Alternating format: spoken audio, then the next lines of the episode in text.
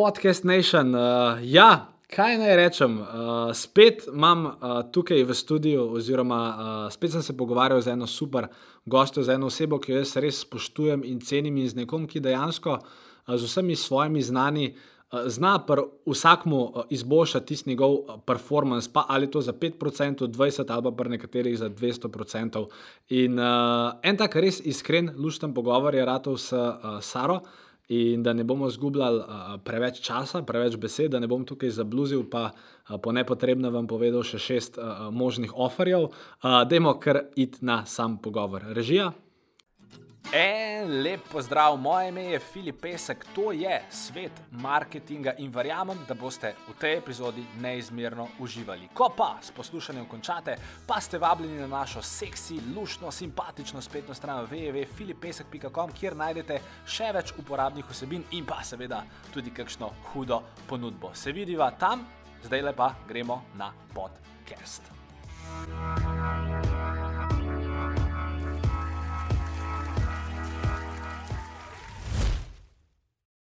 En lep, pozitiven pozdrav vsem skupaj. Danes je z mano uh, Sara Isakovič. Sara, kako si? Čau, Filip. Um, ja, v redu sem, kar naspana, um, zdaj trenutno sama. Tako da to je čudno, brez tri mesečnega otroka, ki se mi zdi, da je skozi namen. ja. No, evo, uživaj, uživaj to svobodo z mano, drugač. Uh, jaz vedno uh, povem na začetku nekaj iz srca uh, osebi, ki jo imam uh, pač tukaj na drugi strani. Uh, in seveda lahko ti rečem, da 13 let nazaj, ko si osvojila uh, srebro v Pekingu, sem glihtko jokal, mislim od sreče, kot uh, pol ostale države. Uh, Znanost te tudi zelo občudujeva, uh, zaradi v bistvu vsega, kar počneš na uh, psihološkem področju, na performance, na področju performance psihologije. Ampak ne glede na te dve stvari, meni je dejansko pri tebi najbolj všeč to, da. Uh, ko sem se v zadnjem letu, kadar ko ostava pogovarjal po telefonu, jaz, ki sem ta telefon odložil, sem imel pol lepši dan. Uh, zato, ker pač izžareva še eno tako res kul cool energijo, ki je pristna, ki ni v nas fejkana energija, ampak je pristna in, in je res užitek s tabo se pogovarjati. In pač, seveda, ker me tudi veliko stvari zanimajo o psihologiji, o tem, kako lahko uh, s svojimi možgani naredimo več. No, sem full vesel, da se vam danes malo o tem ja, pogovarjamo. Hvala, sem kar ganjena. Ja. To so ti hormoni, zdaj še meni so ja, you're welcome, you're welcome. Yes, go right back at you. Jaz mislim, da sta vidva mislim, ti pa nas je res, uh, sem ponosna, da vaju poznam in, in um, ja, čestim, mislim, sem navdušena nad vama, čist isto. Tako da, ampak meni tako v biznisu še ni uspel, kot kar vama.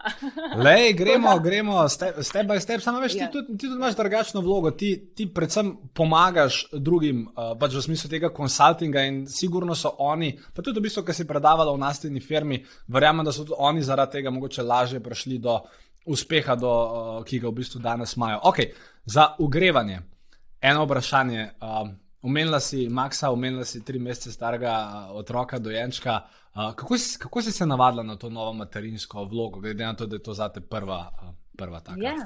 Ja, prva, prva, prvi otroček. Um, ja, drugač, pač priznam, da je bilo ene prve tri tedne fulno naporno, ker je čist uh, drugačen način življenja, ker naenkrat se vidi, da um, pač je milijon procentna pozornost samo na tem umehanem bitju in moja naloga je, da ga hranim, da ga previjam, da ga dajem spat.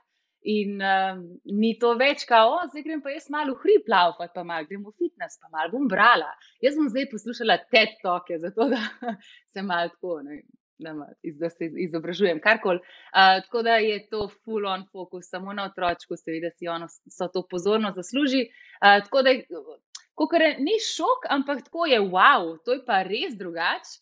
Um, čeprav meni se je zdelo, da sem dobila v življenju eno tako novo misijo, um, tako kot sem recimo bila fokusirana na olimpijske in pač Uh, tako, it has to be done, to sploh ni, kao, oh, vstajam zjutraj po noč petkrat, ko ga dojim.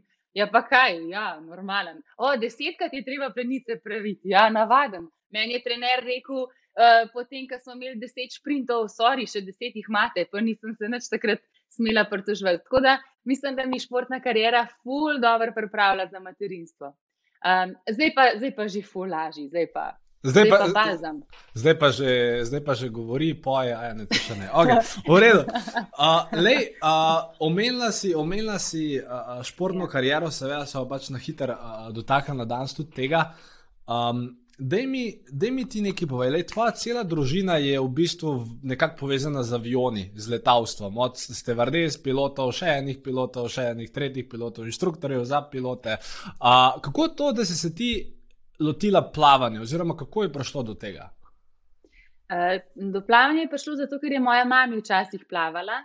Um, tako za Jugoslavijo je bila zelo uspešna. In um, tako, ko bila, ko sem bila čist mehna, tri leta, sem bila stara, ko je naša družina pač spokala kufre, ker je bila vojna. Um, oči kot srb ni pač mogel Slovenijo, tudi če ni dobil pasuša. Um, smo pač šli v Indonezijo, Malezijo, Turčijo, Tunis, um, živeti in tam sem se kopala po različnih bazenčkih in seveda od moje mami naloga je bila tudi ta, da jim ni dva znava plavati in v bistvu naj je tako naučila. In uh, sem tako izljubila vodo, pa pa po enih sedmih letih naj je pa tako malo samo rekreativno upisala v klub. Sam ja, pa je to zelo hitro, kar resno. No. Tako da ona ni imela te, ni imela te želje, da, da jaz plavam, ali pa moj bratec Gal. Um, ampak so pač bila, bila ja, dobra v vodi. Ja. Okay, mislim, ampak torej, torej reka si, vsem ti si čutila neko strast do tega športa, seveda. Ja, seveda, o. meni je bil to zakon. Jaz, sem, jaz nisem šla z vode ven. Tako okay. da mi, ko smo bili v hotelih, sem bila od 10 zjutraj do 8 zvečer v vod. Pa recimo, pa recimo, ker omenjaš to strast, ker je tako vsak športnik, mislim. Ne morem se čisto stoprocentno povezati s tabo, ker vseeno tako profesionalno nisem nikoli športa igral, sem pa pač 15 let dihal, pa živel za košarko, pa da temu reč pol profesionalno igral. Ampak recimo tudi, tudi jaz vem, pa tudi ti mi bo zdaj verjetno to potrdila, torej ti si imela to strast do, do tega športa, ampak potem si pa istočasno vem, v enih intervjujih rekla, veš, ampak vseeno sem si pa včasih želela, da bi trener zbolel, a si pa zlomil nogo in da unga treninga v petih zjutraj a, a ne bi bilo. Pač kako, mislim, A to se dogaja vsakem športniku, ali si samo ti bila mogoče v nekem trenutku zelo zafrustrirana ali pa utrujena? Ja, ja kje pa sej. Jaz mislim, da ne samo športniku, sej, ne vem, vsaki mamici, ki rečeš, oh, jaz rabim samo eno uro pauze. ali pa jaz pa, oh, danes pa ne vem. Ne, a ti si nikoli nisi rekel, kaj je ta zgor. Ne, ti si tako naspidiran. Ne, ne, nisem, ne, ne, sem, sem, sem, sem, sem, sem, sem, seveda sem. Sam tako mislim, pač fascinantno, ja. ker pač ja. vsak ima neko iluzijo, da okay, ona je pa dobila olimpijsko srebro, ona je pa sigurno skozi veseljem trenirala. Ne? In mi je pač všeč, ja. da, da to iluzijo nekako razbijemo, da tudi v bistvu. Ja. Uh, vsak ima slabe dneve, pa si v bistvu vsak včasih želi, da bi bil še en dan pauze vmes. Lažje. Ja, seveda, se to je narava našega uma, ki išče lažjo pot ven in um, ne, si hočeš ustvariti neko obdobje, samo v svetu športa niti ene sekunde ni obdobja. Um, tako da strast je do tega, da v bistvu. Um, ej, jaz sem bila zelo igriva v vodi, uh, rada sem bila uh, tekmovalna, brata dvojčka med je super, ker uh, ja, te tekmovalnosti nikoli ne mine. Um, tako da mi je to zelo pomagalo. Potem pa Ja, sem, moram reči, da sem bila izredno delovna in to mi pač pomagalo, da sem dosegala rezultate, in ti rezultati so pa mene motivirali, da nadaljujem. In ta strast, to igrivostjo, neko razbremenjenostjo, brez pritiskov, brez pričakovanj, se je pa razvila v to neko kariero. Ampak težkih trenutkov je bilo pa vsak dan milijon. Sej, um, Ja, tako je v športu. Ja, mislim, ja. kako, kako ja. sem jaz zastopil, uh, si ti v bistvu, torej, pre, torej po do olimpijskih iger je bila več ali manj tlakovana z uh, trenerji, uh, pač tukaj v Sloveniji, oziroma pač vse, kar se je tukaj dogajalo. Uh, tukaj v Sloveniji, tudi jaz sam vem, imamo zelo take, da imamo temu reči, balkanske trenerje. Torej, trenerje, ki se veliko derejo, kdaj mečejo kakšne deske, stole po tleh, zganjajo vse mogoče, te kdaj čisto v bistvu užalijo, sesujejo, razstavijo, dobesedno. Uh, torej, to je bila verjetno ena izkušnja, ki sem imela, pa si pa omenjala, da si v bistvu v Ameriki doživela čisto neko kontrazgodbo, oziroma da ste imeli tam trenerko, ki pa pač vas znala nekako povezati, inspirirati, mogoče brez teh uh, izpadov impulzivnih. In moje vprašanje tebi je, če bi ti danes mogla dati na svet enemu trenerju, ali pa če bi ti bila trenerka, s kakšnimi metodami misliš, da se da danes največ potegniti, oziroma s kakšnim pristopom, tem bolj balkanskim ali tem ja. ameriškim ali nek miks med obema?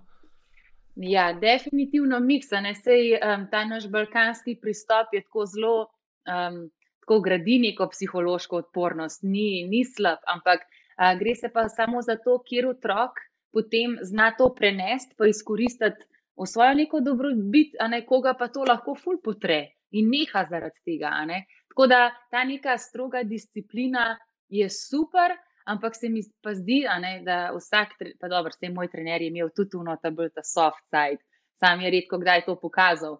Um, je, um, na, pa naša trenerka v Ameriki, da se ne bomo motili, ona je bila izredno stroga, mi smo se jo full bal ampak je bila po drugi strani tako človeška, tako dostopna. Um, vem, res tak conscious coach. V bistvu je bila tako se je zavedala, na kakšen način vpliva na svoje športnike, in je vedela, da je njena odgovornost, da se vsak dan pojavi tam v najboljši možni vlogi. To pomeni, da um, ni čas, da jaz pač pridem zafrustrirana in se na otroke derem, zato ker imam neke osebne neke probleme, ampak sem odgovorna oseba, ki pač ta emotional baggage, ko rečemo, tako kot en tak koček, čustveni koček, pustimo pred vrati in ko se pojavimo tam, tako kot se jaz pojavim kot športnica, da oddelam svoje najboljše, je vloga trenerja, da pride, da res, da nas poveže kot ekipo, da motivira. Um, Vse nekoga to motivira, da, da, da ga žaloš. Ampak um, ti povem, Filip, da takrat um, ki mi šlo na jog, ki sem bila res, tako mi je bilo hodo, težko, vse me je bolelo, takrat pa rabiš par besed, takih spodbudnih. Ne kao nekaj se sama sebi smiliti, da je nekaj. Um, ampak, lej, lej, pač to me je oblikovalo v tak hmm. res odporen karakter in poj v Ameriki um, je bilo tako še bolj lahko to delati. Mm, zato, ker si imela, kar v bistvu bolj, da moramo reči, naporno ali pa bolj direktno, kot, kot se mogoče trenerji v Sloveniji obnašajo, pa tisti v Ameriki so vseeno malo bolj soft in pa, ki ti prije s to neprebojno kožo, tja ti v bistvu praktično nič ne more um, yeah. Ja. iztira vrst. Okay. Ja, ampak ne, da, na, to, da se navijo ljudje misli, kaj je zdaj ta soft side. To, to ni tako, da je ja, zdaj pa malo plavite. No. Ja, no, dejte, a ste bogi, no pa pa pejte ven, ni vam treba plavati, oko ste bogi. Ne, ni niti slučajno, pač ful strogo, mm. ful disciplina, red, spoštovanje, mm. ampak ne tisto straho spoštovanje, ampak pač to je trener. To je plavalc in mi dva sva eno, in tukaj sva en za drugega. In, ja, Razumem. In pač nek človeški odnos. Ja. To, torej, v bistvu nek optimalni voditelj mora v prvi vrsti, če te prav razumem, biti bit človek, razumeti ljudi. Ni, ni v bistvu nič narobe, če ima neko to svojo divjo stran, samo mora znati kontrolirati, pa, pa pač vedeti, kdaj je prišel do neke meje, kdaj je šel čez mejo. Okay, razumem. Prav, lej, uh, če mogoče za sekundu še ostaneva pri plavanju, uh, ti si ti pogosto rečeš, da preden si dobila olimpijsko medaljo, si jo v glavi že dobila že 200 krat. Torej, da si vem, doma ležala, pa sanjala, pa vizualizirala, kako te napovejo na oder. Uh, in v bistvu moje vprašanje je, odkje si dobila to idejo? Mislim, ker večina plavalk verjetno ni šla čez ta mentalni proces, pa vizualizacijo. Kako to, da ti si? Ja. Um, Jaz sem, kot sem rekla, sem imela to srečo, da je moja mama plavala in ona je poznala tehniko vizualizacije, kar pa sam pomeni, da zapreš oči in da mentalno ponavljaš svoj nastop. Zakaj? Zato, ker mora biti glava pripravljena vnaprej. Ker jaz točno moram vedeti, kako bom plavala prvo 50, kot drugo, tretjo, pa četrto. In to v glavi ponavljam, ta svoj nastop. Um, tako da, odkar sem bila res ne 12 let stara, je mama meni pred vsakim štartom rekla, tja se vse tu kot, pa vizualiziraj. In jaz sem jo ful poslušala. Moj bratec, on je mal skakal po bazenu, uhu, aha, ali ne vem, se je igral s prijatelji. Nisem ulizal. Jaz sem pa čisto vedno tako dala brisačo čez glavo, pa kot mehna punčka se usedla v kot, vizualizirala. In jaz sem rada sanjala, ja, meni je bilo to, oh, kaj na tem svetu vse mogoče, pa oči, jaz sem imam še vedno, uh, ki me skozi spodbuja, da veliko sanjam. In kot mehna punčka, že pred 12 leti, ko sem gledala tudi olimpijske igre uh, v Sydneyju na, po televiziji. Sem je že v svoji domišljiji si predstavljala, kako jaz v, na naslednjih olimpijskih igrah maširam po, po stadionu. In, in pa sem šla v svojo sobo gor in jaz delam kroge in maham za stavco in ne vem, kaj vse delam. Hudo. Ja, Mislim, to... to- pri meni je bilo to full intuitivno, tako Mm. full uh, intuitivno. No, I, i, intuitivno. intuitivno. Ja. Ni meni to noben silu. Mami mi samo pač predlagala, fino bi bilo, da nastop uh, ponoviš Mm. um, mentalno. In to sem jaz full, in poj sem delala na tem in izboljševala to, to tehniko. Vse to. Ja. je trening. Ja, seveda, mislim, da to je trening. Sam to je dejansko trening, ki lahko zelo veliko pomaga naši zavesti, podzavesti, našemu telesu, konc koncev. Tako da zelo dobro, Ja. Sara, da si, da si to delala. Uh, fajn. Se ti tudi vizualiziraš, to posto. Ja, Jaz- sto posto, sam, sam, sam ne to, Ja. mislim. Pač, ker veš, to je res. Torej, veš, od 12 let do ne vem, zdaj zdaj bom na robe zračunal. eh, Od 12 do 20 let vizualizirati, oziroma biti konstanten v tem, da imaš cel cel en nek cilj pred sabo. Uh, to je res powerful. ne, Ker kar, kar se v bistvu ne vem, ali v podjetništvu ali kjerkoli zgodi, je to, da si ne, ne, ne zdefiniramo jasno tega cilja, kaj želimo, in pol en dan vizualiziramo nekaj, drug dan nekaj, in pol ta vizualizacija Ja. ja. mogoče ni konstantna in potem tudi ni, ni tako učinkovita, oziroma telo manj verjame. Ja, bravo, ko si to zdaj dobro rekel. To se s tabo milijon procentno strinjam. V športu je malo lažje, moram reči, zastavljati cilje, ampak še vedno, pa da ne bo zdaj vsak rekel, ah, ti imaš bazen, pa pač nek rezultat in to vizualiziraš. Še vedno lahko vsak posameznik vizualizira vsaj občutek, ki ga recimo doživlja, ko doseže nek uspeh. Ali pa um, če približno veš, na kakšen način si želiš v življenju funkcionirati, um, si pač predstavljaš to. Sej, um, je Razumem. fajn, da je čim bolj definiran, ampak se tudi da. Tako, malo bolj na izi. ja. Okay, lej, še eno, še eno pol vprašanje tukaj, uh, uh, ki smo glih pri pr Pekingu, pa tej vizualizaciji. Kaj pa se recimo je tebi dogajalo pet minut pred štartom unga finala, oziroma a si imela recimo neko tako rutino, pa si pet minut pred štartom šla v nek samogovor, v smislu, ok, Sara, zdaj pa trdo si trenirala 12 let, zdaj je cajt, to boš naredila, to, to, to, to. to. Ali takrat sploh nisi nič razmišljala, ali si se enostavno prepustila momentu, ali se ne spomniš več, kaj se je dogajalo pet minut pred štartom. Tako, malo me zanima, kaj se je v tvoji glavi dogajalo takrat, če slučajno veš. Mhm. Ja, pet minut pred štartom to pomeni, da smo mi v tem uh, ready room, call room se reče, to je pomočnik štarterja, kjer se pač ta finalna skupina uh, zbira. In potem to pomeni, da smo že več ali manj skoraj v tej vrsti, ne kako bomo premaširali ven. Um, in tam se samo globoko diha. Uh, ja, ker puls, puls, puls se sliši do Marsa. Pa, ja, pa mišice so tako. Ne, pač ne. Sej, jaz, to, tako je. ne. Še vedno se od, um, telo odziva na ta stres. To je še vedno nek tak oh, trenutek, za katerega sem delala celo življenje, ampak um, sem bila ful dobro v tem, kako sem interpretirala te signale. A ne namest, oh, ko sem živčna, umiram, dihati ne morem, oh, moj bog, zakrčena sem, je bilo bolj tako, huh, wow, ful sem vzhičena, yes, kao, it's time to go. Pa glo, glo, globoki, globoki vdihi, da sem bila prisotna, da je bila glava čista, mirna. Vse ni treba nobeno, ne vem, to ni nobena znanstvena fantastika, greš pač tam na štartu delati tisto, kar znaš. Se sem jaz 200 kraval odplavala tisočkrat prej. Mm, ja, itak. Ja. Ja, ampak tako da je bolj to muska, se, vedno sem imela glasbo s sabo, tako da sem poslušala musko. Izbrano, Sej- seveda, mislim, verjetno skozi isto pred štartom, ali kar neki na random, shuffle playlist. Ja, ja, ne, ne, uh, sem tisti let sem imela kar. Um, a se ti spomniš enega komada in des, Destination Unknown? Ja, se spomnim, ja. Ne vem, Ja. tak komad. Vem, No, vem, malo sem je, tak- vem. A bit. Ne vem, takrat sem bila v eni drugi fazi, ne mislim. Ampak ok, tak je bolj upbeat uh, komade, pa ja, to je to, pa full, full zdravega samo pogovora, pumpanja. Pa pa zadnjo sekundo, preden sem, sem štartala, kaj je bilo pa že na svoja mesta, sem pa samo v glavi si rekla, have fun. A res?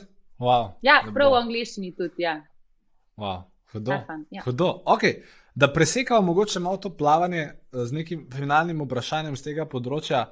A ti gre, a, mogoče kdaj na živce, da se še vedno marsikdo, vključno z mano, hoče s tabo pogovarjati o nečem, kar se je zgodilo 13 let nazaj, ker vseeno oba veva, da si v takrat pač čist neko drugo identiteto zgradila, oziroma da danes počneš čist neke druge eh, stvari. A te to moti, ali pač razumeš, da je to del tvojega journeyja, pa yeah. Ja. go with the flow.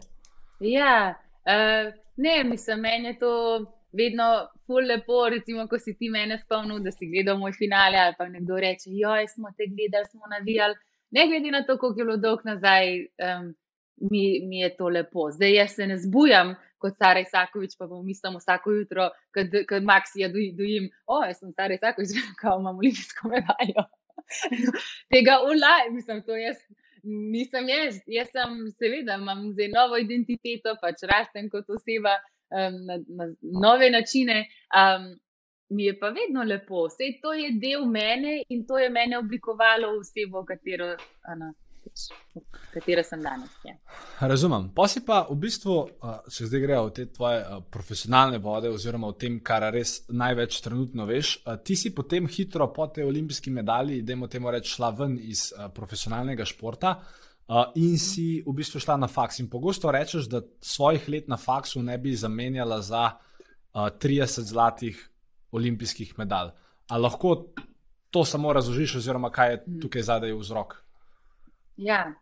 ja, zato ker sem uh, bila od nekdaj največji pifler in sem oboževala šolo. In uh, ena taka naslednja stopnička te neke sanje so bile, da res grem na en full dober faks in um, da najdem še neko strast izven plavanja, ne? še neko poslanstvo.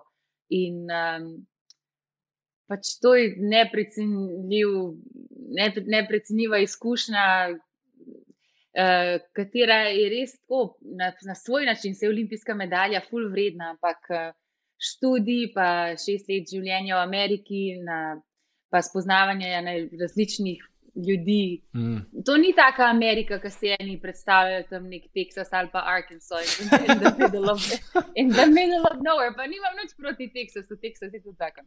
Ampak. Um, Veš, jaz sem bila res obkrožena s čudovitimi ljudmi in uh, ja, fajn študirala, super se imela, naporno je bilo, noro, noro, naporno. Ampak, uh, ja. Je bila, je bila lušna. Sem, jaz sem tudi bil dve leti v Ameriki, pa vem, koliko je meni ta izkušnja dala. Uh, samo vseeno, jaz prej sem šel v Ameriko, nisem bil. Uh, Srebrn na olimpijskih. Pač res, mislim, zelo pogumna odločitev, ja. pa lej, vsaka čas, da si jo, oziroma vsa čas, da si jo naredila. Uh, mi, da mi pa povej, kako pa to, da si se odločila, iti glih študirati psihologijo, oziroma psihologijo s podarkom na uh, neuropsihologiji. Ja. ja. Ja, veš, kako je, sej prvi letnik v Ameriki, se ti ni treba še pač osredotočiti, mm. kaj boš doštudiral. In takrat sem pač malo zbrala ha, eno psihologijo, drugo.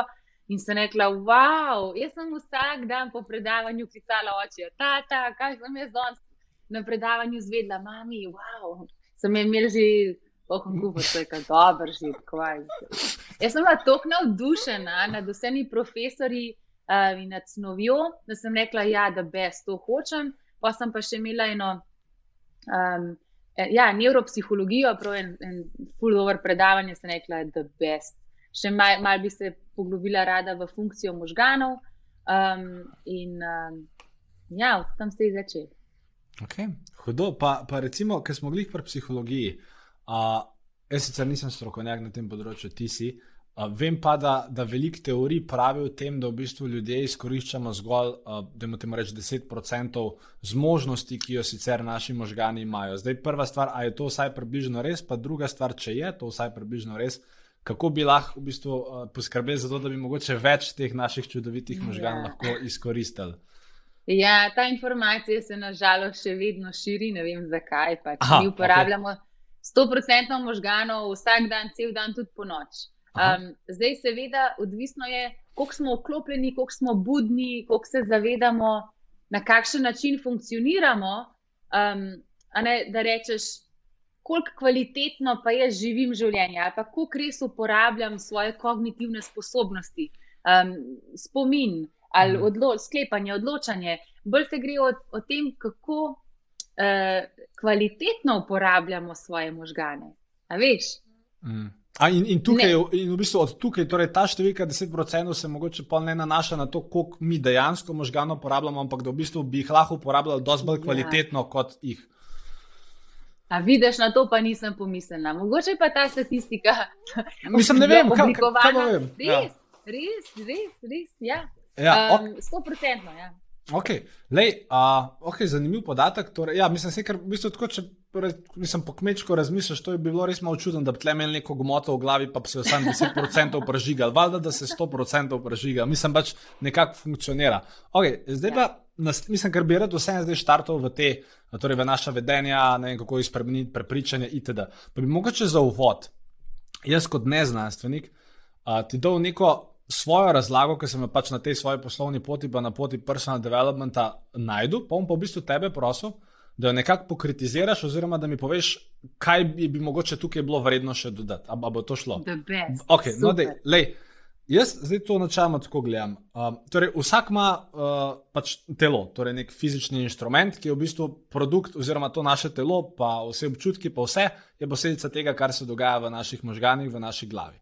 Zdaj pa tako, da ta naša glava jo lahko pla plastično razdeliš, po mojem mnenju, na dva dela. En je un zavedni del, eno je pa un nezavedni del, oziroma naša podzavest. In što si je, da večino naših uh, dejanj, uh, razmišljanj, vizij, ciljev ne kontrolira naša zavest, ampak jih kontrolira naša podzavest, in v tej podzavesti je zbran nek tak. Skupek vseh naših navad, preteklih vzorcev, nek paradigm, kot bi lahko temu rekli, In zato v bistvu, če ti zdaj, če, torej, če imaš eno osebo, ki je relativno nesrečna, pa si ona reče: uh, evo, jaz sem pa danes srečna, evo, moje življenje bo lepo. Pol, čez dva dni njeno življenje ni več lepo, zato ker ima ona v tej podzavesti ta svoj paradigm pač v neko drugo smer uh, obrnen. In to je v bistvu do te stopne jaz razumem. Zdaj pa povej, uh, če, če sem vsaj prav razumel, pa kaj bi mogoče lahko še na to dodal. Ja, super si to lepo povedal. Vse vem, da si fejst uh, ozaveščen. Veš, kako je? Um, ja, gre se za to, da se ne zavedamo, kako zelo um, močen vpliv ima naša podzavest. Seveda, ker ne, um, nimamo dostopa do te podzavesti, tako veš, kar, da je bilo to. Hm, evo jo, podzavest. Ne, pač, ni jo. Je to, to je tako globoko noter. Um, v naših uh, možganjih, um, da seveda to vlada celotno naše vsakdanje funkcioniranje. Je pa vse odvisno od tega, kako smo bili programirani. Vse vem, da se čudno slišim, ampak je to nek hardware v naši, v naši glavi, ki potem proizvaja ta nek software in na tak način um, ne, mi funkcioniramo. Um, sploh do šestega leta, mislim, jaz se zdaj fulj zavedam, kam imam svojega otroka.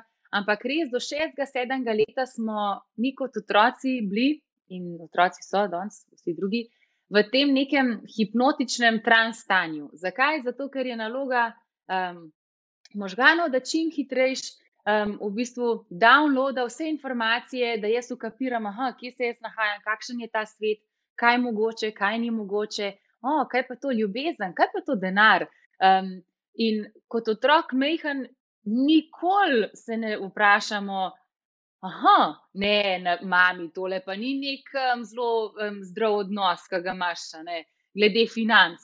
Reče to štiriletni otrok, ki se doma nekdo pritožuje, ne, glede financ, recimo. Pa, um, ja, seveda, da ne. Ja, in potem samo pač posnamemo te vzorce. In pač mi prav posnamemo miselne vzorce naših staršev. In, in glede na to, kako oni gledajo na svet, kako gledajo na sebe, pač mi tako gledamo na sebe in gledamo na svet. In um, je to, to full scary, drugač, zato ker um, ne, starši se res ne zavedajo, kakšen močen vpliv imajo na razvoj uh, možganov svojega otroka.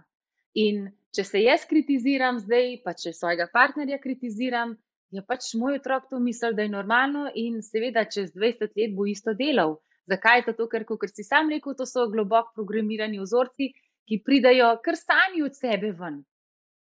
Če se mi zdaj v takih trenutkih, ne vem, samo sabotaže, izgovorov, upravičil, um, eh, to se manifestira na milijon različnih načinov, potem tisto globoko nezdravo um, programiranje.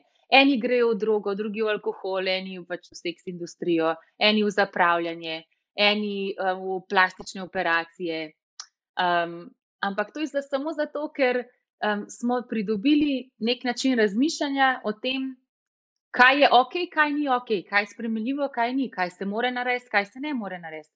Koliko smo vredni, koliko smo uh, tako, kot osebe cenjeni, spoštovani, koliko smo dovolj. In, in če tega ni na mestu, seveda ni na mestu, zato ker starš kot starš sam presep ni v zavestu tega, potem se ti miselni vzorci nadaljujejo in zato ne, se vprašamo, zakaj je toliko uh, psiholoških problemov sploh zdaj med korono.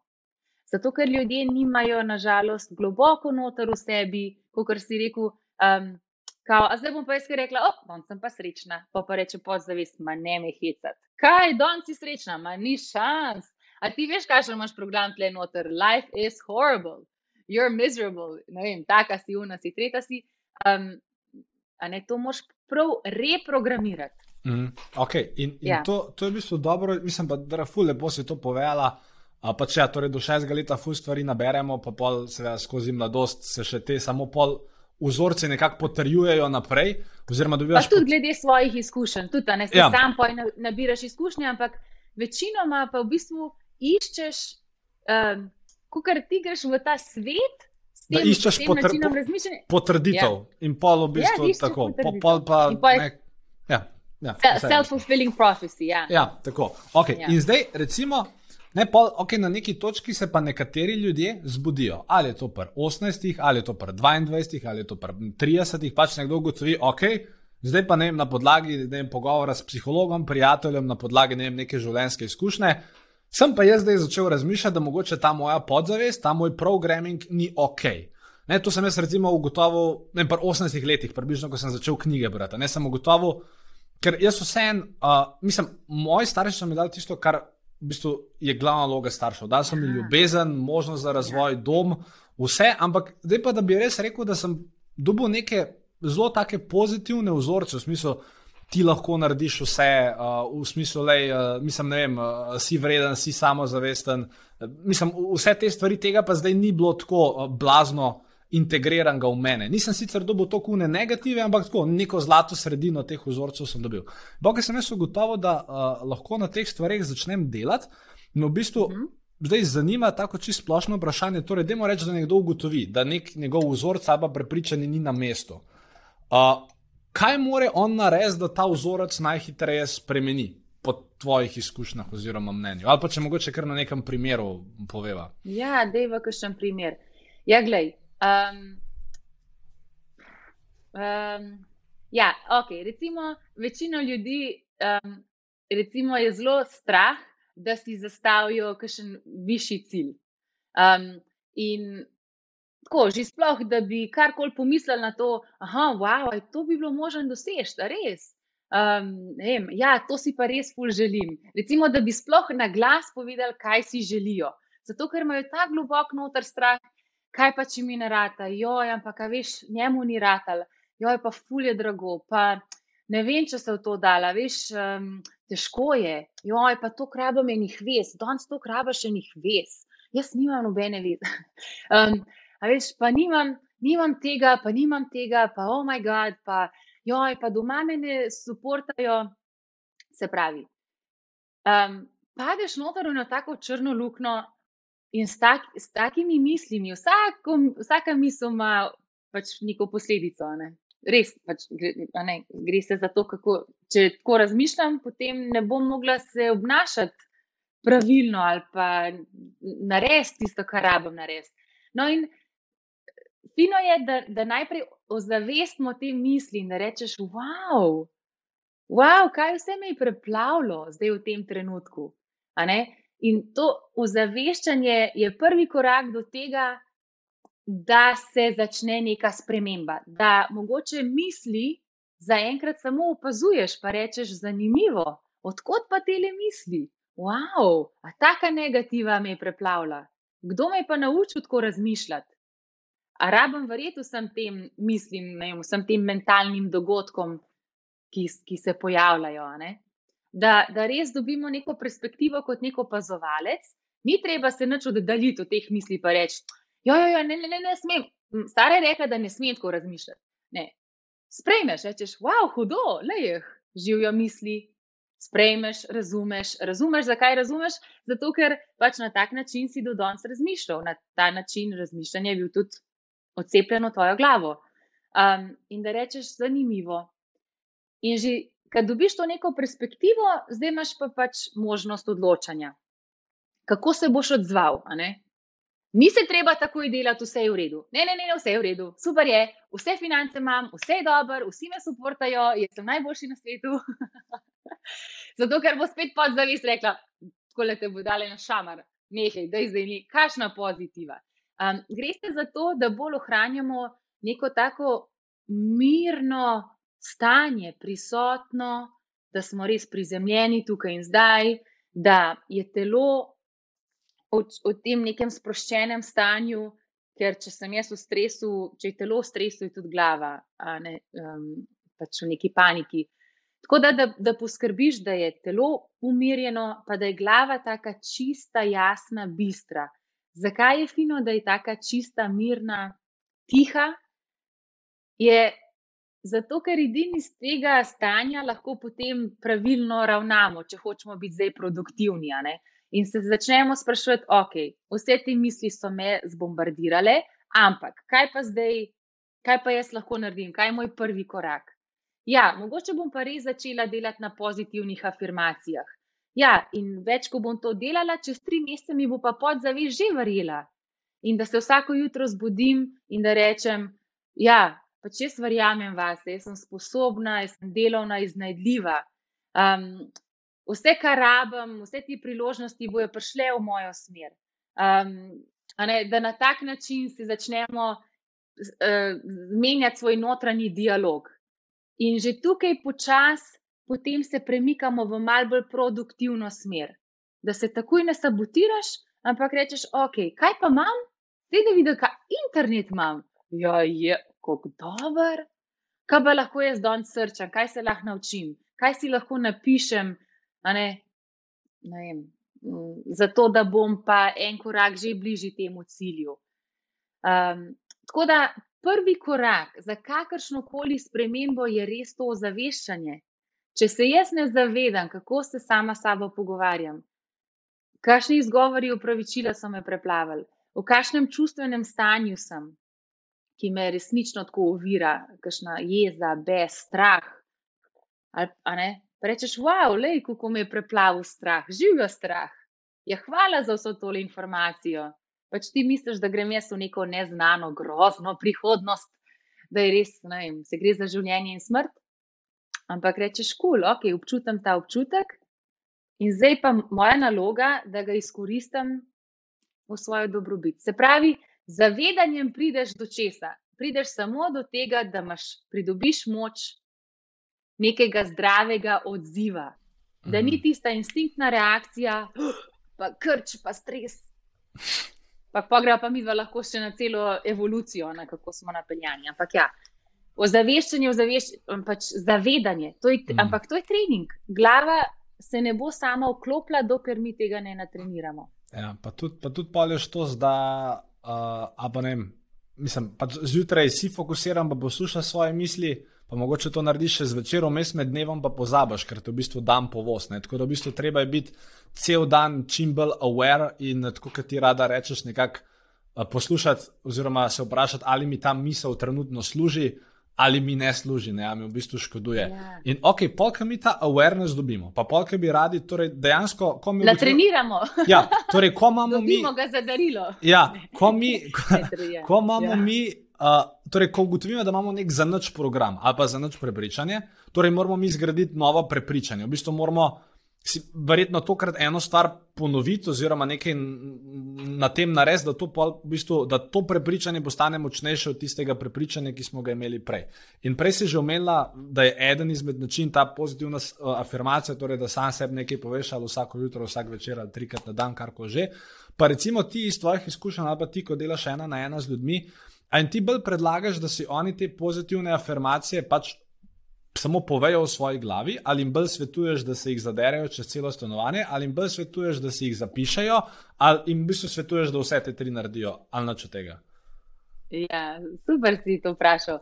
A veš, kako je najprej, lahko sam najprej omenim, recimo, če ima kdo, da ne bo kdo mislil, da sem pa jaz, kako sem jaz naprogramiran, oh moj bog, z mano je nekaj narobe. Z nobenim noč ni narobe in vsako prepričanje je čisto ok. Pač, če, če tako ljudje lahko živijo, naprej ne živijo. Zdaj, če sami hočemo dosegati svoj potencial ali pa se počutiti bolj lahkotno, bolj svobodno, um, srečno, mislim, srečno, gre se za neko zadovoljstvo, zato ker sem jaz sama sabo zadovoljna, zaradi nobenega drugega razloga. Um, tukaj je catch, da jaz hočem sama sebi ustvariti ta občutek, ne, da, sem, da se dobro počutim v svoji koži. Da nam zdaj kdo misli, oh, zdaj se pa ne maram, zdaj se pa moram delati, da se maram, pa zdaj bom kar začel z afirmacijami. Um, ja, o, ja, vse se začne na tak način. Naj, naj, najmočneje je recimo hipnoza. Jaz vsem priporočam, jaz tudi se ukvarjam s hipnozo.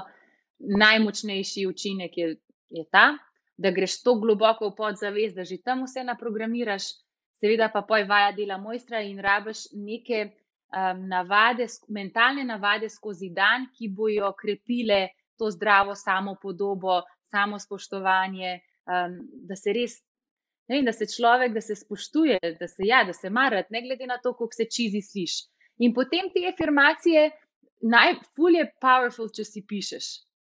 Um, recimo, da imaš kar en zvezek in zjutraj, ko vstaneš, ko piješ kavico, ko ješ zajtrk. Dobro, fino je, da si full mindful, da, da ko ješ zajtrk in da žvečeš in da okušaš hrano, ampak istočasno, da imaš pa mogoče še zraven, ki še zvezek in napišeš tri afirmacije. Ali pa na poti v službo, um, ni treba niti, veš, kakšno, ja, če rabiš za kakšen sestank se nabildati, jaz verjamem vase, um, jaz si zaslužim to ne in karkoli.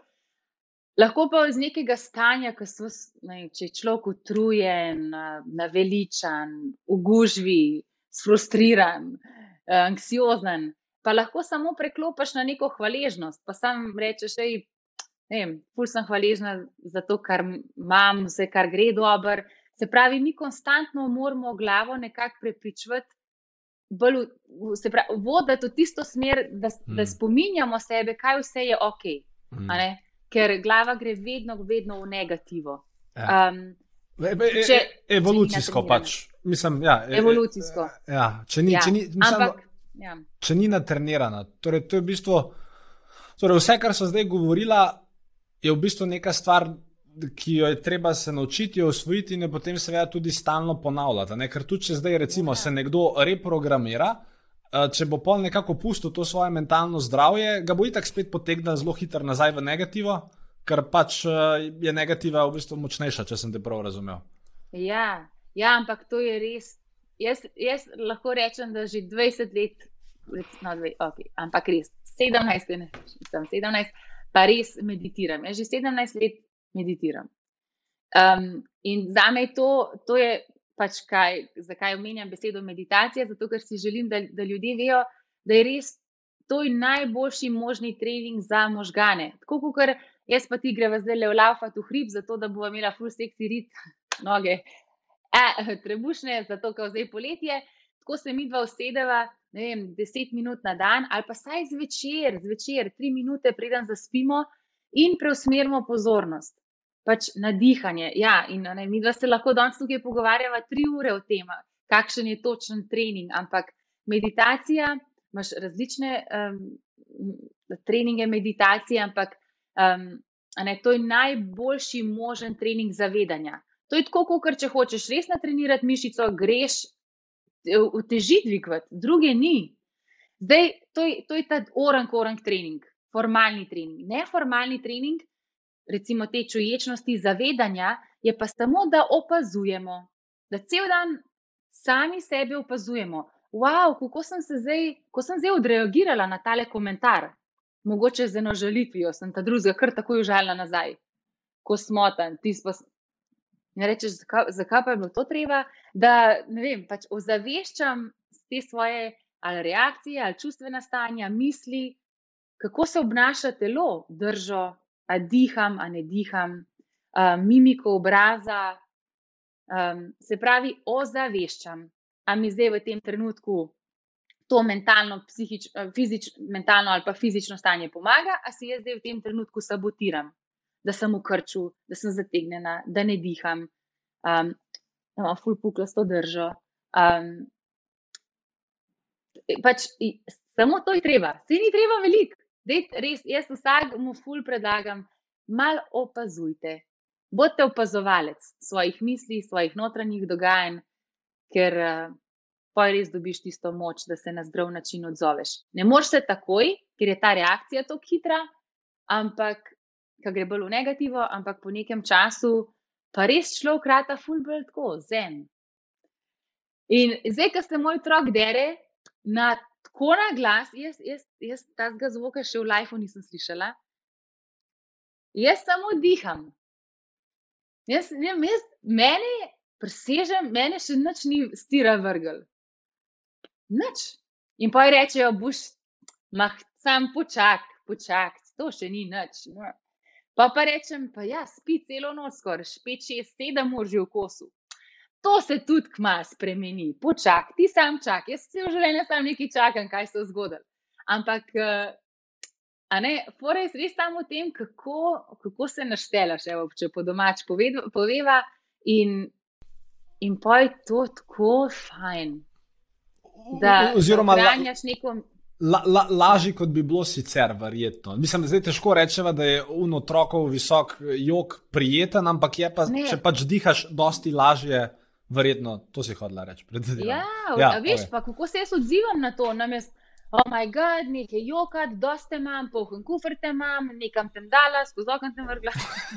jaz ne vem, kam gre folk vse v teh mm. trenutkih. Pa se derajo na svoje partnerje, ti noč ne narediš, noč nisi naredil, jaz to gledam zdaj okoli in si, in si mislim, o oh moj bog, da najte notranjo neko tišino, nek mir, vse je v redu.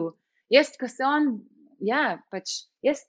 Jaz pesemco začnem peti, ne pač itek karkoli delam za to, da sama se polajšam. Ampak takoj, ko sem jaz pomirjena, se otroček tako hitro pomiri, pomiri in ful dobr trening. No? Tako da za starše, tisti, ki ste mladi starši, najboljši možen trening človečnosti imate zdaj če kadarkoli v lifeu. ja. Cool. V redu, lej, uh, omenila si meditacijo. Uh, jaz pa ja. nas te dejansko, to, to, to, to sem ti mislim, da tudi lani rekel. Uh, Sva dejansko nekaj časa tudi poslušala tvoje meditacije, ki jih imaš posnete, zdaj ne vem, kje točno so jih dobila, ali jih je nas te kupila, ali si jih, vem, pač jih dala v sklopu izobraževanja, ampak sva jih poslušala. Torej, v bistvu gre za vodene meditacije od tega, da pač umiri svoje dihanje, postaneš pozoren na, na, ta, na to stvar, na to stvar, itd., da pač res pomiriš celo svoje telo. In moje vprašanje je, glede na to, da svojih meditacij verjetno ne poslušaš, a ti poslušaš dejansko kakšno meditacijo vodeno ali narediš čist, v bistvu ne vodeno, petminutno tišino, v kateri pač samo greš sama skozi svoj samogovor ali kako. Ja. Jaz vam moram reči, da je tako, um, uh, tako redno, zdaj vsak dan, da bi tako um, vodeno meditirala, ne. Pač imam, sem imela, šla, šla sem skozi en 21 Deepak Chopra challenge, ki sem imela ene vodene meditacije. Ampak jaz, recimo, sred noči, ko dojim, tistih 15-20 minut, si jaz dam tako zen muskico, lepo, ne vem, nek slab, pa ne vem, kakšna muskica. In, in samo diham in samo umirjam svoje misli. Mislim, ne gre se niti tako, da kao zdaj imam pa ful polno glavo, ampak si samo želim biti prisotna, umirjena in najlažje je, če preusmerimo pozornost na dihanje. Zakaj? Ker nas to najbolj umiri, najbolj prizemni um, in ker nekako pač zožamo fokus na, na to, kar delamo. Te meditacije je tudi najboljši trening fokusa, če lahko že umenjam. Ljudje mislijo, da bom pa jaz postal en budist, guru, monk. Ja, lahko, če hočeš, ampak Če pa ne, vsaka šola na tem planetu bi mogla uvesti desetminutno meditacijo na začetku pouka, zakaj? Zato, ker um, aktivira fokus in to je trening fokusa, tudi pozornosti, ne, da si ti sposoben preusmerjati pozornost, da nisi pa na tem avtomatizmu. Um, tako da jaz um, moram reči, da imam neke faze, ko poslušam vodene meditacije, ampak večkrat. Um, večkrat sama imam toliko navad čez dan, da sebe, sama sebe vodim. No. Cool. Zelo, zelo, zelo, zelo uh, zanimivo. Uh, uh, veliko so govorila o tej, uh, poz, mislim, da imamo reči pozitivi, oziroma kako pač na nek pravi, pa koristen način gledati na naše življenje, na naše misli. Vseeno se pa verjetno med vsemi temi, ki poslušajo ali pa gledajo ta pogovor, najdu nekdo, pa reče, da eh, to je vseeno malo preveč. Pozitivno, Sara zgleda preveč taka, skozi se neki smeji, skozi se neki lepo. In v bistvu bi rad te vprašal, mislim, vem, da bo prvi del odgovora ja, ampak te bom vseeno vprašal. Torej, predvidevam, da imaš tudi kdaj slabe momente in ob predpostavki, da je odgovor da, kaj Sara Isakovič naredi, ko ima ona nek svoj down moment, oziroma kako iz njega ja. čim hitreje spleza. Ja, pa še koliko. Vse vam pravim, zelo je, uh, ker sam dojenček pride na svet. Je, jaz, sem, jaz sem prvi teden sam jokala, pa sploh niti ne vem, zakaj sem jokala. In tako to nisem interpretirala kot neko depresijo, ampak tak šok je bil za organizem. In um, Uh, ja, pa kdaj sem res full utrujena in se tudi hočem pritoževati. Ali pa med celo plavalno kariero, milijon teh trenutkov, kot si na začetku omenil, koliko je vse bolel. Um, pač tako je, jaz si dovolim občutiti ali žalost. Jeza, jeze ne poznam. Jaz ne vem, ni, ne poznam jeze, v meni not ni jeze, ampak žalost, meni vedno dar na žalost. Um, tako da, če je že ta neka žalost. Um, jaz jo sprejmem, pač ja, le tako se trenutno počutim in vse je v redu. Ja, ok. Ampak res pa je, da ne dovolim, da ta žalost traja. Ker traja pa samo tako, da jaz ponavljam zgodbice v svoji glavi, ki so se zgodile tri ure nazaj. Ali pa tisti komentar, ki sem ga dobila, ali pa um, pač ne dovolim, da da se mi to melje, tako da je skozi v glavi, pa še kar preden grem spat, je še vedno ista misel, kot je bila deset ur nazaj. In um, ful sem dobro v tem, da imam tako, tako mal hitrejši ta bounce back. No. To, to, se, to se natrenira skozi meditacijo, ker sem pa toliko zaveščena, da vem, kaj delam. Vem, kaj si delam, sama sebe v tem tistem trenutku, ko še enkrat ponavljam to žalostno zgodbo, si ne pomagam. Če rabim čustvo predelati, ga itak predelam, si vzamem čas. Ali pa, ampak, ne, če pa to res nekaj tazga za me neproduktivnega, pa komuniciram. Ej, ja, veš, ni mi bilo všeč, kaj si rekel, pa bi mi ful pomenilo, če bi rajš naslednjič tako in tako rekel. A vela, a veš, kaj pa jaz zdaj danes rabim od tebe. Nekaj noč nisem naredil, kaj pa je zdaj to, vse, za vse sem sama, brebe, brebe. Res imam najboljšega partnerja na svetu, da to noč naga ne leti. Ampak poslušam od, to poslušam od drugih in je samo nek, um, ja, tako, uh, iz te neke jeze, žalosti, besa, gre samo na nek, neko agresivnost. In to valjda ne pomaga. Jaz sem pa pač ozaveščena, trenutno se tako počutim, to razmišljam, ok, what's the next step, kako si bom pomagala. Ali bom dihala, ali bom pustila, da misel sama od sebe gre, ali grem pod vroč tuš, ali grem zdaj že laufati v hrib, ali pa lupčkam tam avga, pa si govorim, da je vse v redu, ker tudi ta faza mine in uh, smo vsi živi in zdravi in vse ok. Ja. Cool. V redu. Ja. Ne vem, Lej, ne vem mam... kako pa ti narediš. Jaz, zdaj vsak nekaj svojega najde, ampak važno je, ja, mi... da, da znamo najti to tišino, not, notranjo tišino, pa mir. Ja, zdaj, kar, kar imam jaz, recimo, problem je, da uh, rel, relativno hitro zavestam. Torej, okay, nekim, mislim, jaz v bistvu nimam toliko težavosti, jaz imam bolj jezo. Recimo, pač to, ne, ko, ko se nekaj zgodi, me nekaj razjezi. In jaz se zelo hitro ugotovim, to me razjezi. Sam pa imam pa težavo, da. Uh, Pa bi se reče, da je noč ti ne bo koristil, če už danes jezen, ura je 8 zvečer, dubo si nek, ne vem, mislim, nekaj se je zgodil, nekaj te je razjezil, ampak zdaj tega ne moreš v tem trenutku rešiti in je brez veze, da se zdaj sekiraš, ker pač počakaj do jutra, zjutraj boš naj monga poklical, se z njim zmeno, kar ko že. Sam problem je, da kljub temu, da jaz to sam se po 8 zvečer ali pa ne ob 6 zvečer ali pa ob 4 popovdne rečem, ne, torej v smislu, da ne moreš zdaj narediti nič glede tega, počakaj do jutra, kljub temu, da se jaz to rečem. Veš, vsem pa pride, še včasih se pa malo vrne v na jeza, pa ne se vrne še enkrat. A veš, mislim, tako ni. Uh, imam občutek, da nimam čist 100% kontrole, oziroma da me kdaj kakšno čustvo premaga, kljub mogoče pravilnemu Itak. samogovoru. Ne? Itak, pa se je tako, na, tako je narejen, tako je namenjen. Se mene tudi, až kot se meni vrne žalost. Pa je kar, oh, kako je hudo bilo. In jaz ko Sara, halo, hello, kje pa si, kje si, a si tukaj in zdaj? Ne, pa nis, no pa se pa vrnem nazaj.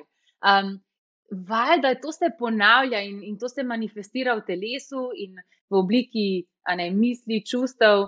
Um, tako da, glej, naslednjič je tvoja naloga res samo ta, da opazuješ, kje v telesu se ne, pač na, um, zadržuje kakšna tenzija, kakšno imaš mimiko obraza. Um, um, recimo, če boš zač- začel šepetati, um, 100% na jezen. Pač se počutil jeznega, ali pa da rečeš, jezen sem. Ne, pač čutim jezo, olejo jezo, pač preplavilo me neko čustvo, da bes. To pomeni, da mi je stalo do nečesa in da mi zdaj trenutno to neko, neko pričakovanje ni lih tako bilo, kot bi mogel biti. O, kdo pa je rekel, kako bi mogel biti? Ja, noben, ok, let it, let it go, let it go. Um, pa pa to jezo, kot si sam rekel, lepo um, obrneš v neko konstruktivno smer. V športniki smo imeli srečo, da smo to lahko obrnili v moč, v hitrost, v eksplozivnost. Tako da, ja, vse je v redu, ali pa samo res globoko prepono dihaj in, uh, in vsakič, ko pridem nazaj, olejo še enkrat, o, hvala, še, še enkrat me hočeš spomniti, o, hvala za skrb, ampak, veš, ni to hudo. Mm. Ne, se dejansko Ja. ni nikoli tako hudo. Okay. Ne, sej vem, za, za drugega, nekoga, nekoga Ja. drugega. ne. Okay, lej, uh, imamo par zadnjih uh, hitrih vprašanj. Oziroma, zdaj to uh, prvo, zadnjo vprašanje bo začel z eno novico, ki se boš, po mojem, razveselila. In sicer um, nastaje noseča. Res? Ja. Oh, moj bog, ja, čestitam, da se zdaj psihiram, kako je z otročkom, ampak je res. ampak je res najboljša stvar na celem svetu. Um, Imeti svojega otročka je, mislim, to je naj, največji wake-up call, pa v bistvu čist no purpose ti da in life. In naporno je, ampak se boste imela tako fajn in videla boste taka fajna starša.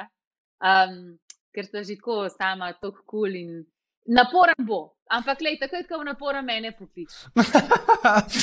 Zara, kaj si že delala, kako se zdaj to že naredi?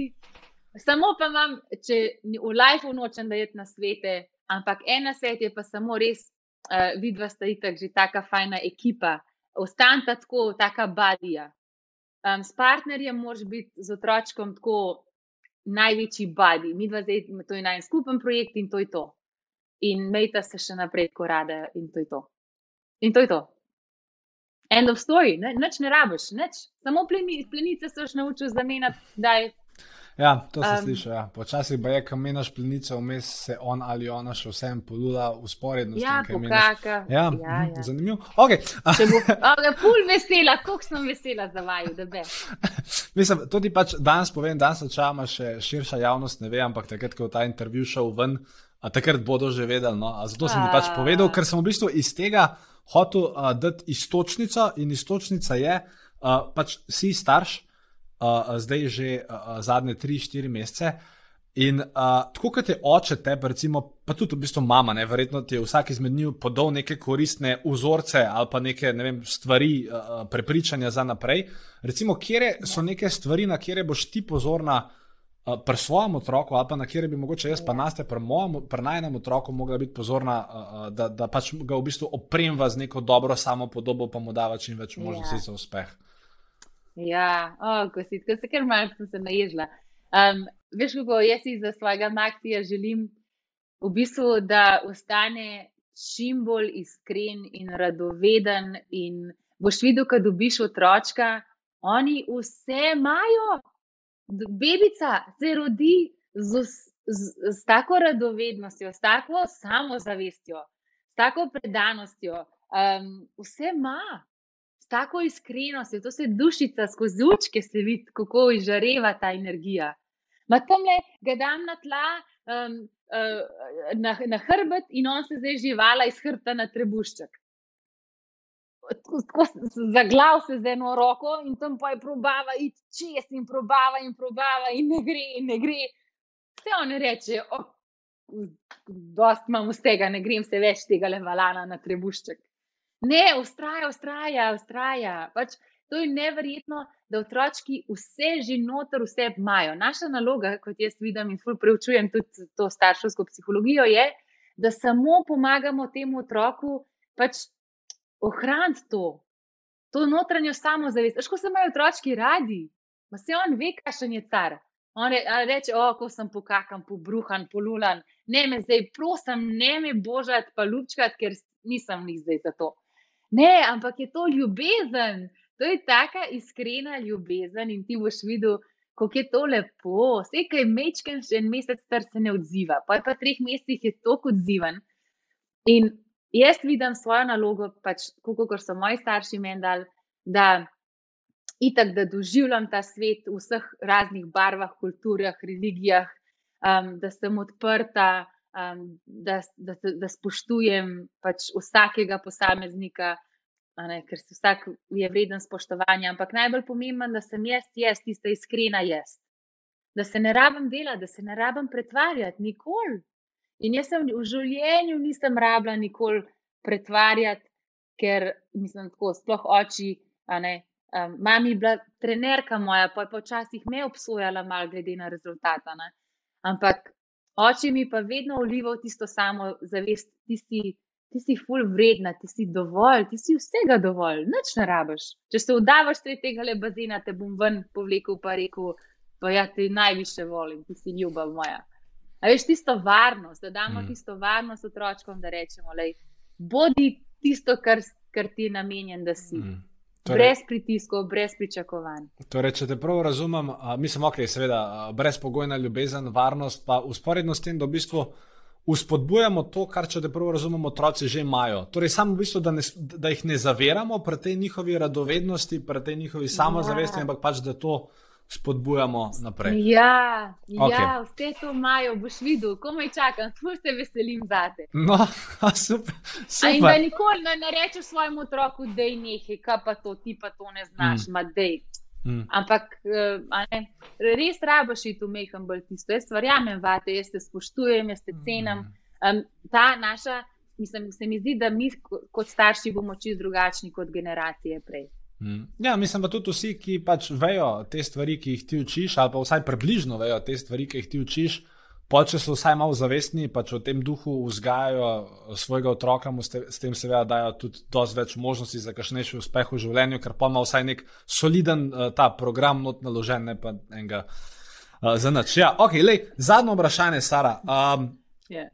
Ti, uh, da mi boj, kaj je vizija za za tvoj brand, oziroma kaj si s tem brandom Sara Isakovič, pa vse, kar predstavlja, želiš v naslednjih letih delati? Se vidiš bolj kot ne mednarodno predavateljico, ali se vidiš bolj kot neko coaching ena na ena, ali miks vseh teh stvari, torej kaj bi rada naredila s tvojim ja, brandom? Hvala za vprašanje. Um, ja, pač. Uh... Nadaljujem, sigurno, s svojimi predavanji tukaj po Sloveniji, ampak um, um, si pa želim, seveda, globalno malo razširiti Um, in, in to si v bistvu želim malo bolj tako tudi z online programi. No? Na, na ta način, da v bistvu sestavljam programe, um, ki so dostopne za čisto vsakega posameznika po celem svetu, da tudi sama sebe malo razbremenim um, in da um, ja, uh, pač, vem, napišem še kakšno knjigo, um, da nadaljujem delo športniki, ful, ful, imam rada delo športniki. Um, res to se še vedno naprej želim delati. V poslovnem svetu pa je, zdaj gradim nova urodja, um, nove igrice, boš kmalo zvedel, ko bo vse Super. to vam prišlo. Ja. No, fajn. fajn. Ja, Sara, pa pa, lej, um, jaz mislim, da je to to. Uh, za danes sem ti ful hvaležen uh, za vse, kar si, pa za čas, ki si se ga danes vzela, za me pa za vse, ki to poslušajo. A imaš mogoče za konec še kakšno, ne vem, zaključno misel ali pa karkoli tazga, kar bi rada povedala meni ali komorkoli, ki uh, to posluša. Ja, um, ja, najprej hvala tebi za priložnost, za ostale pa, neš, da ohranjate svoje zdravje, pa da si upate sanjati, da si upate res ustvarjati življenja, um, tako mogoče. Um, vem, ne, ne, ne bolj tako uspešna, ampak tako, da si mm. date priložnost biti najboljši, kar ste lahko. Ja. Super. Cool. Uh, jaz, ja. kot uh, gostitelj, bom zelo hvaležen, če vsi, ki ste tole poslušali, če oddate kakšen komentar ali pa feedback spori v komentar, oziroma uh, da pač uporabite te stvari, o katerih smo danes s Saro govorili, ali pa vsaj eno izmed teh orodij, ki smo jih omenila. Uh, pa da mogoče istočasno ta pogovor posredujete kakšnemu uh, kolegu, karjerno, ambicioznemu človeku, prijatelju, podjetniku. Skratka, uh, ker res, res verjamem, Sara, v teh stvarih, ki smo danes govorili. No, vsak presebne za 5% izboljšal to svojo čuječnost, zavedanje, da bi pol bil in njihovo življenje dosti lepše, in svet kot tak, uh, uh, dosti lepši. No? Uh, še enkrat ja. hvala ti, pa se vidva k malu. Čau, čau. Ja, hvala tebi.